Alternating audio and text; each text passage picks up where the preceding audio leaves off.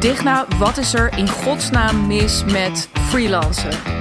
Nou, ik heb daar natuurlijk laatst. Eh, ik heb steeds vaker dit gesprek. Laat ik daar eens mee beginnen. Steeds vaker ehm, ja, krijg ik dit soort vragen nu. Which makes sense, omdat ik er namelijk tegenwoordig een punt van aan het maken ben dat ik um, niet geloof in het verkopen van je uren op lange termijn. Op, op, op het gebied van voldoening, op het gebied van groei, op het gebied van impact. Al dat soort verschillende dingen. Ik ga daar natuurlijk steeds meer voor staan. En dat is. Uh, dan is het logisch dat daar achteraan dit soort vragen komen. En ik vond het heel fijn dat iemand, en meestal uh, gaat het wat verbloemder, uh, dit vraagstuk. Maar in dit geval was het gewoon de vraag: heel recht toe recht aan. Wat is er mis mee? Wat is er nou toch in godsnaam mis met... Dit was iemand in dit geval die um, uh, freelancer is. En uh, dan moet ik erbij zeggen... Want uh, dat nou ja, het tekent ook het verloop verder van dit gesprek. Um, een hele gelukkige freelancer. Dus ja, heel eerlijk. Ik zei ook, um, er is niks mis met freelancen. Dat is ook absoluut niet de boodschap die ik wil uitdragen. Ik heb niks. Ja, dat is ook mooi. Hè? Ik heb niks tegen freelancers. Ik heb niks tegen interimmers. Helemaal niks. Maar, ladies and gentlemen, daar gaan we. Want ja, anders was het wel een hele korte podcast geweest. En dan had ik ook wel mezelf heel erg hard onderuit gehaald. Maar um, er dus in dit geval was ik in gesprek met iemand die daar ook eh, super blij mee was, heel veel voldoening uithaalde, nog legio mogelijkheden uh, voor zich had, voor zich zag om te groeien.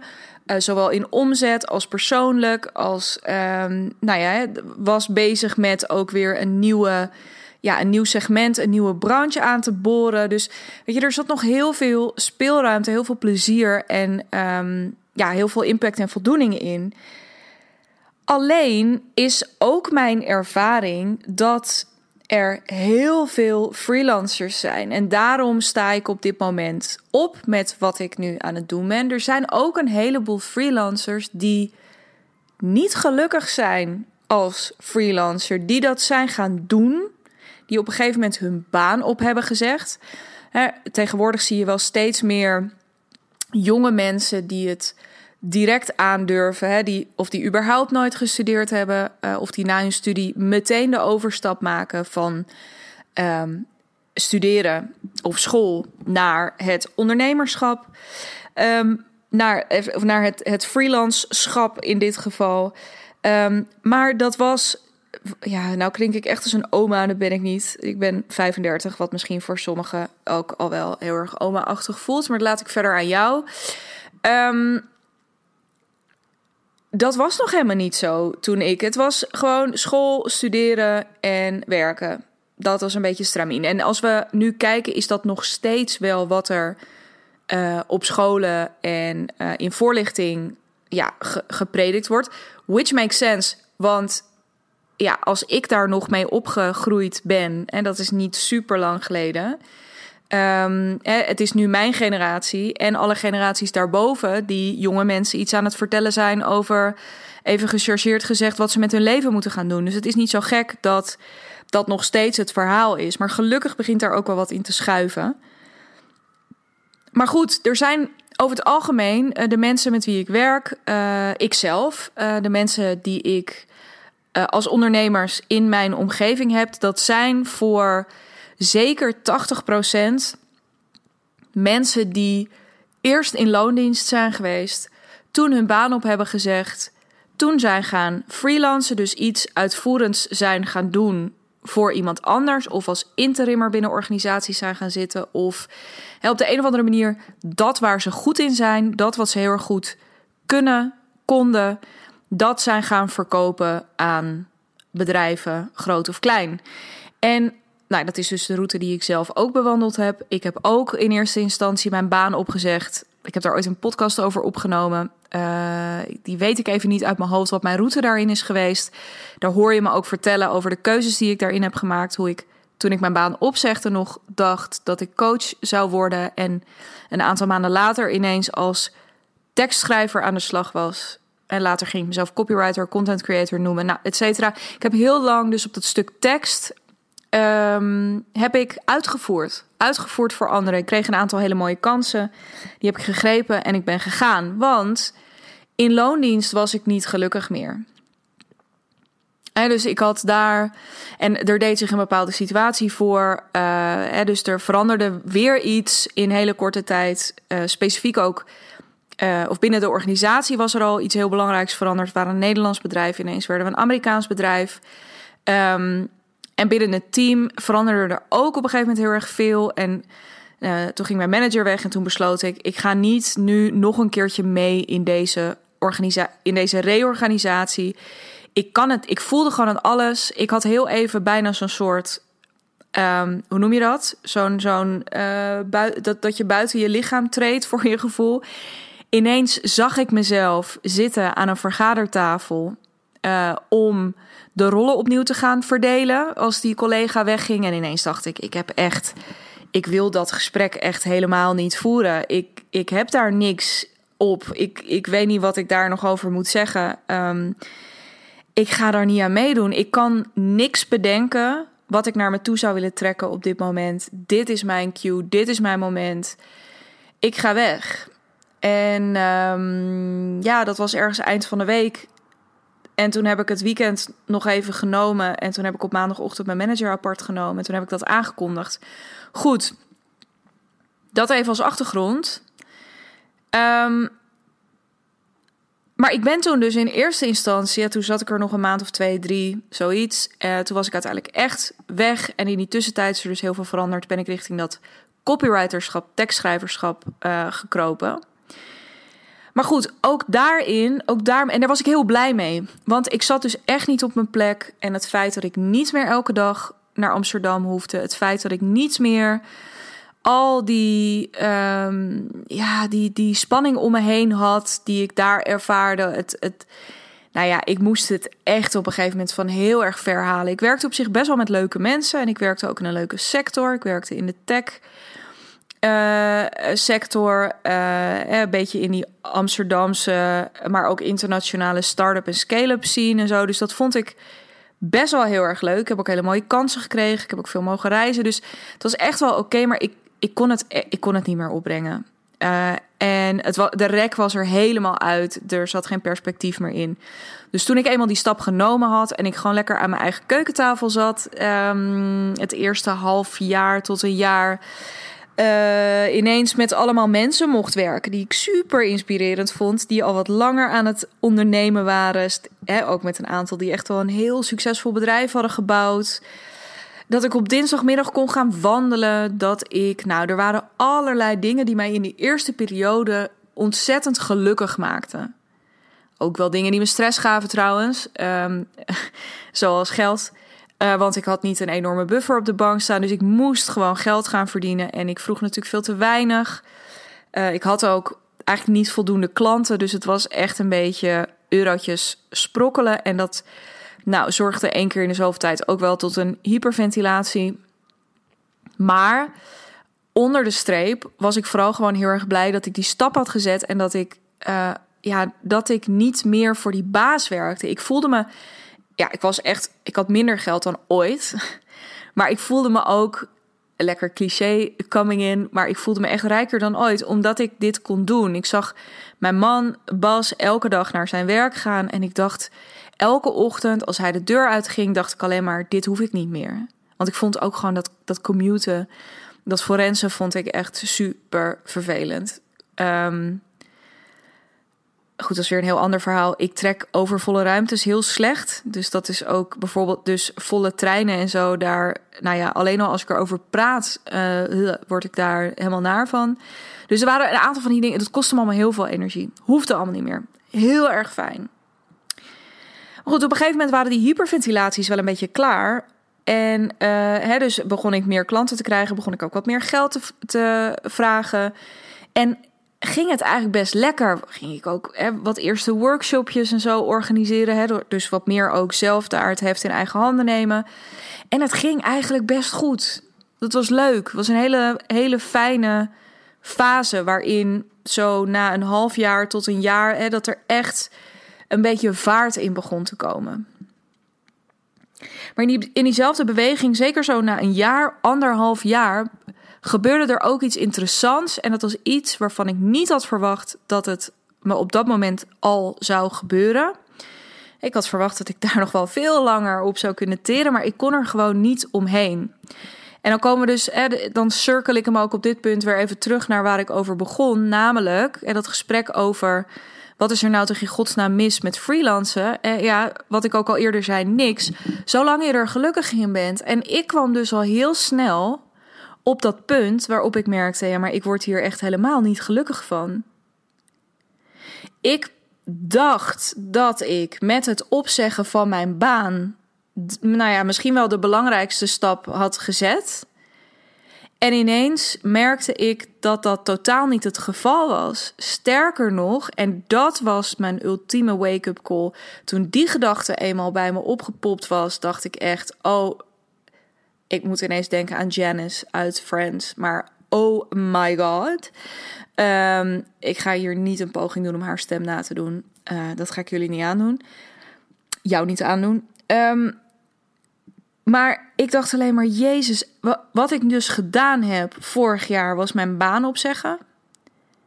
Maar in de constructie, hè, dus ik ben uit heel bewust uit loondienst en I love it.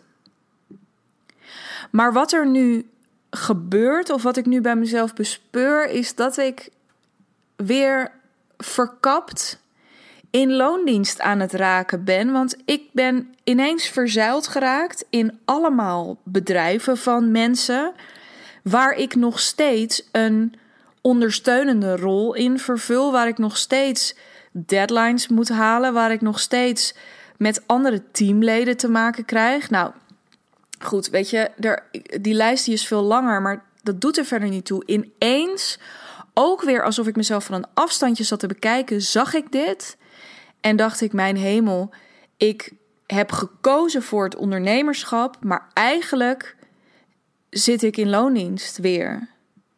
En dat was de ultieme. En, en dit is dus ook waarom ik er. Waarom ik nu die move aan het maken ben, die ik aan het maken ben. Waarom ik nu zo gepassioneerd ben over deze groep. Niet omdat ik. Dus deze groep uh, waar ik zelf onderdeel van was, die gewoon echt niet gelukkig was in dat freelance leven. Maar die snakte naar het uh, opzetten van een eigen ding, het bouwen van een eigen imperium met een eigen verhaal en een eigen visie en een eigen klantenbase. En um, nou, dat hele stuk. Voor die groep ben ik er. En dus niet omdat dat freelancen kut is, om het maar even gewoon op zijn mooi Hollands te zeggen. Want dat is het niet, zolang er voor jou, zolang het voor jou voldoening geeft. En die voldoening die heeft enorm te maken met een rol. Ik heb ook gemerkt, ik zie dat bijvoorbeeld nu, daar ga ik binnenkort ook een podcast over opnemen. Ik ben een van de belangrijkste ontwikkelingen in mijn bedrijf is naast uh, omzetgroei en het omgooien van mijn verdienmodel. En nou ja, er zijn meerdere dingen gaande op de achtergrond, maar een van de grootste dingen die er op dit moment aan het gebeuren zijn, of waar ik mee bezig ben, is het uitbreiden van mijn team. En um, Sarah, die er nu bij is, uh, ik deel heel weinig over haar. Dat, dat wil ik veel meer gaan doen, omdat ik um, haar dat gun, maar ik ook denk dat het voor jou interessant is om dat te laten zien. Um, de reden dat ik haar nu noem is omdat zij iemand is die juist heel veel voldoening ervaart in die ondersteunende rol. Dus in alle ondersteuning en het researchwerk, het uitzoekwerk, het um, administratieve werk, het, uh, het voorbereidende werk. Nou, gewoon al die, die, veel meer die achterkant dingen, die ondersteunende dingen. In die rol, rol voelt zij zich fantastisch.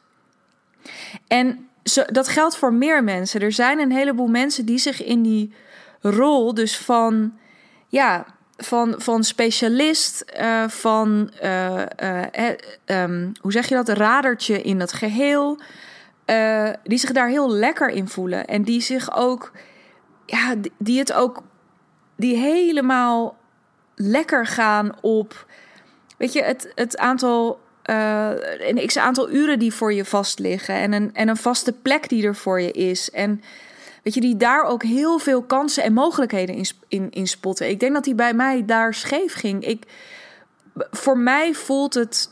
Voor mij voelde die rol heel erg benauwend. En ik had daar wel. Uh, er waren natuurlijk kansen en mogelijkheden. Maar binnen die kaders werd ik daar niet warm of koud van. Um, ik had meer lucht nodig. Ik was in die rol ongelukkig.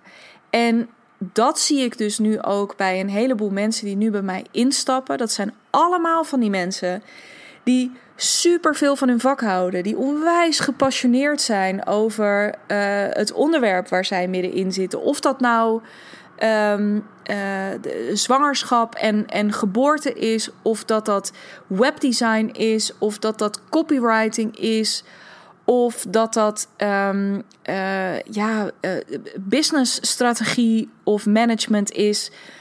Of dat nou event management is, het maakt niet uit, maar het zijn allemaal mensen die echt alleen maar op dat uitvoerende stukje, dat, dat, dat voelt te klein voor ze. Ze hebben allemaal het gevoel dat er meer in zit, dat er meer groei in zit, dat er meer impact in zit, dat er meer omzet in zit.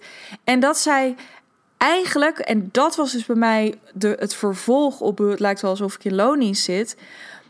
Wat ik ineens heel goed snapte, is waarom ik graag met die ondernemers wilde werken. Want ik, ik realiseerde me steeds meer, ik wil niet voor ze werken of ik wil niet onder ze werken, maar ik wil wel bij ze in de buurt zijn, want ik voel me met ze verwant.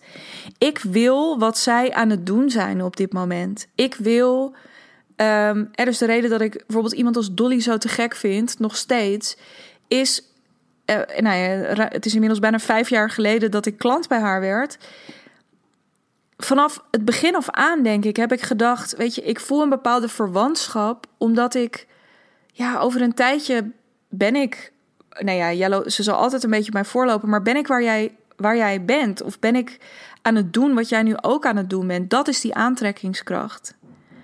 Dus ik wil niet in je team zijn. Ik wil jou zijn of zo. Hè? Snap je? Dus ik wil. Um, ja, ik wil net als. Ik vind je inspirerend en ik wil net als jou. Ik, net als jou. Ik wil net als jij nou ja, goed, maakt niet uit. Ineens begin ik dan te twijfelen over mijn Nederland. Maar daar zat hij heel erg. Dus de rol die ik, weet je, ook binnen zo'n team, dat klopt niet. Dat is niet de plek. Dat is niet waar ik hoor te zitten. Dat voel ik heel sterk. En hoe meer ik daaraan toegeef. En dat vond ik in het begin nog best ingewikkeld. Van nou, nou, nou, dit. Uh, ga, ga je lekker hè, met je. Je mag uh, ook gewoon blij zijn dat je superveel werk hebt. En dat je hele goede kansen hebt gekregen vanaf het begin. Maar dat ben ik ook. Ik was en super dankbaar in die periode, maar ik wist ook heel zeker dat er voor mij iets anders de bedoeling was. En hoe meer ik daar aan toe ging geven, hoe meer er voor me gebeurde, weet je. En ook begin dit jaar dacht ik weer, hmm, ik uh, heb dus nu een aantal switches gemaakt. Dus toen ben ik veel meer met een eigen aanbod gaan werken. Ik ben deze podcast gestart. Ik heb een programma opgezet. Uh, die podcast bestaat nog, het programma niet meer trouwens. Maar dat doet er allemaal niet toe. Ik heb echt die switch gemaakt naar zelf, mijn eigen ding en daar mijn eigen klanten bij gaan zoeken en mijn eigen verhaal gaan delen en um, ja, mezelf echt gaan laten zien en mezelf op dat podium zetten, mezelf in de spotlight zetten. Um, ja, die switch is gemaakt. En als ik nu zie, oh ja, laat ik mijn zin even afmaken of waar ik aan begon, weet je. En begin dit jaar voelde ik weer, oké, te gek. Ik ben dat nu aan het doen maar ik ben nu, blijf ik een beetje hangen op een niveautje waarvan ik denk, ja, dat zet ook nog niet echt zoden aan de dijk. Ik voel dat het groter kan. Nou, toen heb ik weer geïnvesteerd in die groei en nu is het groter aan het worden. En nu is het nog helderder aan het worden en nu ben ik nog grotere stappen aan het zetten. Weet je, en ik, nou ja, ik weet niet eens, daar ga ik binnenkort wel een podcast over opnemen, maar ja, volgend jaar wordt helemaal insane. Dat voel ik aan alles. Dus um, ja, het is gewoon elke keer kiezen voor datgene wat bij je past. En, um, en de keuze dus die ik nu maak is om er voor die mensen te zijn. En daar heb ik ook eerder een podcast over opgenomen, waarin ik, die is iets van, ik kies voor jou. Ehm, nummer 100, dat was 99, als ik me niet vergis. Um, ja, ik kies dus nu heel bewust voor die groep die daar dus nu ongelukkig in zit te zijn en die dat anders wil. En die ook voelt en die ook weet dat het anders kan, alleen misschien nog niet zo heel erg goed weet hoe. Of ook al precies voor zich ziet hoe, maar denkt: ja, maar als, als ik dat dan wil, wat moet ik dan nu doen? Weet je, of wat doe ik dan nu als eerste? En wat gaan we dan straks doen? En moet ik dan nu eerst dit gaan ontwikkelen? Of moet ik eerst mensen gaan bellen? Of moet ik eerst, nou ja, voor die groep. Voor die groep ben ik er. Die groep die wil stoppen met het verkopen van uren. A, omdat ze meer een legere agenda willen, want dat levert het je gegarandeerd op als je je tijd niet meer hoeft te verkopen. Maar vooral ook dus vanwege al die andere dingen. dat je echt kunt gaan groeien, dat je creatief kunt gaan worden ook. Weet je, hoe wil jij het?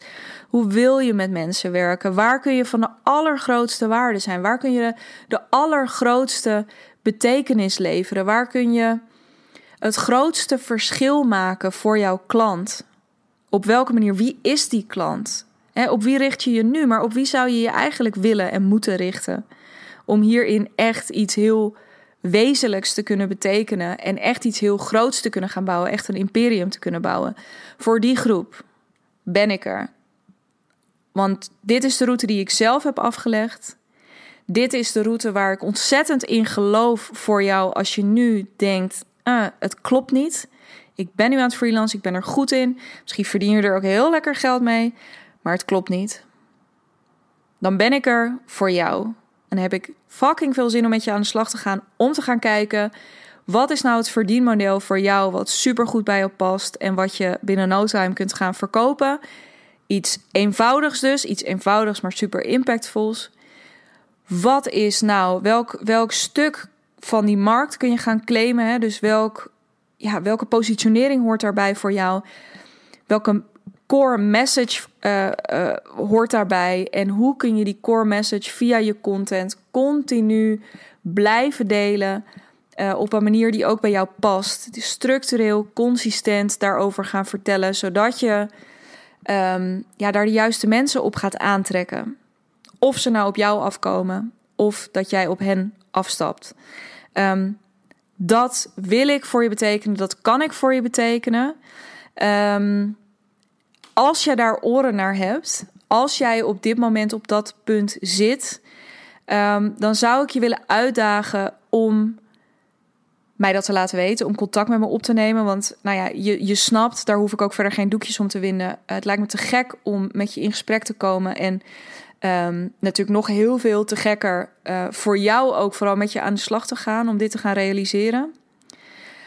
Um, ja, dus neem, neem contact met me op en, en doe dat met in je achterhoofd het idee.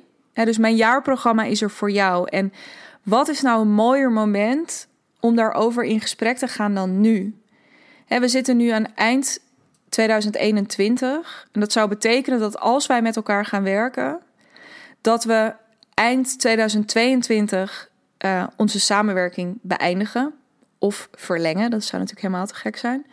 Maar dan loop ik echt veel te hard op de zaken vooruit. Maar heb nou eens in je achterhoofd of neem die vraag van mij mee om eens op te broeden Waar zou je met mij of in het algemeen volgend jaar, eind van het jaar, op willen proosten? Waar zou je dan willen staan? Wat heb je als we dan hè, die fles bubbels opentrekken, die glazen tegen elkaar jetsen? Wat, wat vertel je me dan? Waar, gaan we het dan? waar hebben we het dan over? Waar blikken we op terug? Wat heb jij gerealiseerd? Wat is er veranderd? Welke omzet heb je gedraaid? Hoe voel je je?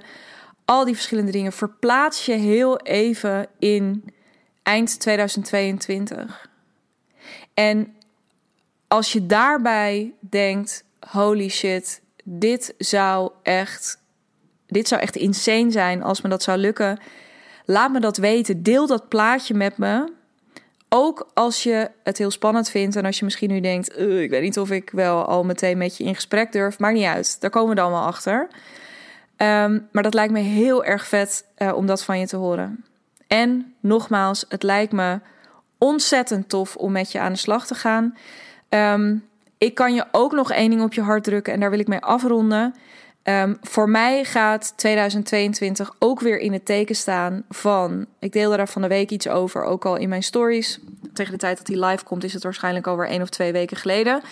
Maar goed, um, voor mij gaat komend jaar ook alweer in het teken staan van een um, verdere versimpeling van het aanbod. Hè, zodat ik echt alleen maar die dingen voor je en met je ga doen die echt super impactvol zijn. Dus dat we echt optimaal jouw transformatie gaan inrichten. Um, er gaat ook gegarandeerd uh, vanaf januari een prijsverhoging aankomen. En er is nu één ding dat ik uh, bij dit jaartraject cadeau doe, waarvan ik ernstig betwijfel of ik dat nog een keertje ga doen. Uh, omdat het best wel een. Uh, het is gewoon een ontzettende investering in alle opzichten. Maar ik wil het per se deze keer, omdat ik. Ja, ik wil gewoon. Ik, weet niet, ik wil, ik wil mezelf dit cadeau doen. Ik wil jou dit cadeau doen. Het wordt gewoon heel erg vet. En dat is um, een driedaags retreat inclusief alles. Dus twee overnachtingen, al je maaltijden, alles erop en eraan. Waarin we echt dedicated, dus twee nachten, drie dagen helemaal in jouw business gaan duiken. Um, waarin je echt helemaal die grootsheid gaat ownen. Waarin we buiten de kaders gaan denken. Um, uh, waarin we jouw verhaal en je visie nog verder gaan aanscherpen. En dat krijg je allemaal van mijn cadeau. Als je nu contact met me opneemt en als je dit jaar nog bij me instapt. Dat wil zeggen, famous, nee niet, ja, famous last word slaat nergens op die opmerking, maar goed. Laatste opmerking daarover. Uh, op dit moment zitten er twee mensen in mijn jaartraject. Ik heb dit jaar, of ik heb dit jaar nog drie plekken, inclusief dit retreat, beschikbaar. Uh, tegen de tijd dat deze podcast live komt, geen idee. Dan zijn het er misschien nog maar twee of dan is het er nog maar één. Ik durf je dat niet precies te zeggen. Uh, maar genoeg reden dus om nu contact met me op te nemen. Weet je, hoe eerder we starten, hoe meer we hebben om op te proosten volgend jaar. En hoe meer je dus nu ook nog van me krijgt. Um, en dat gun ik je onwijs. Dus, uh, ik spreek je heel graag, bijvoorbeeld via de DM op Instagram. Je bereikt mij via digna.brand. Uh, maar even een mailtje mag natuurlijk ook. Kan naar info.dignabrand.nl um, spreek ik je sowieso heel graag bij een volgende episode van deze podcast. Um, die komt over een paar dagen live. Heel erg graag tot dan.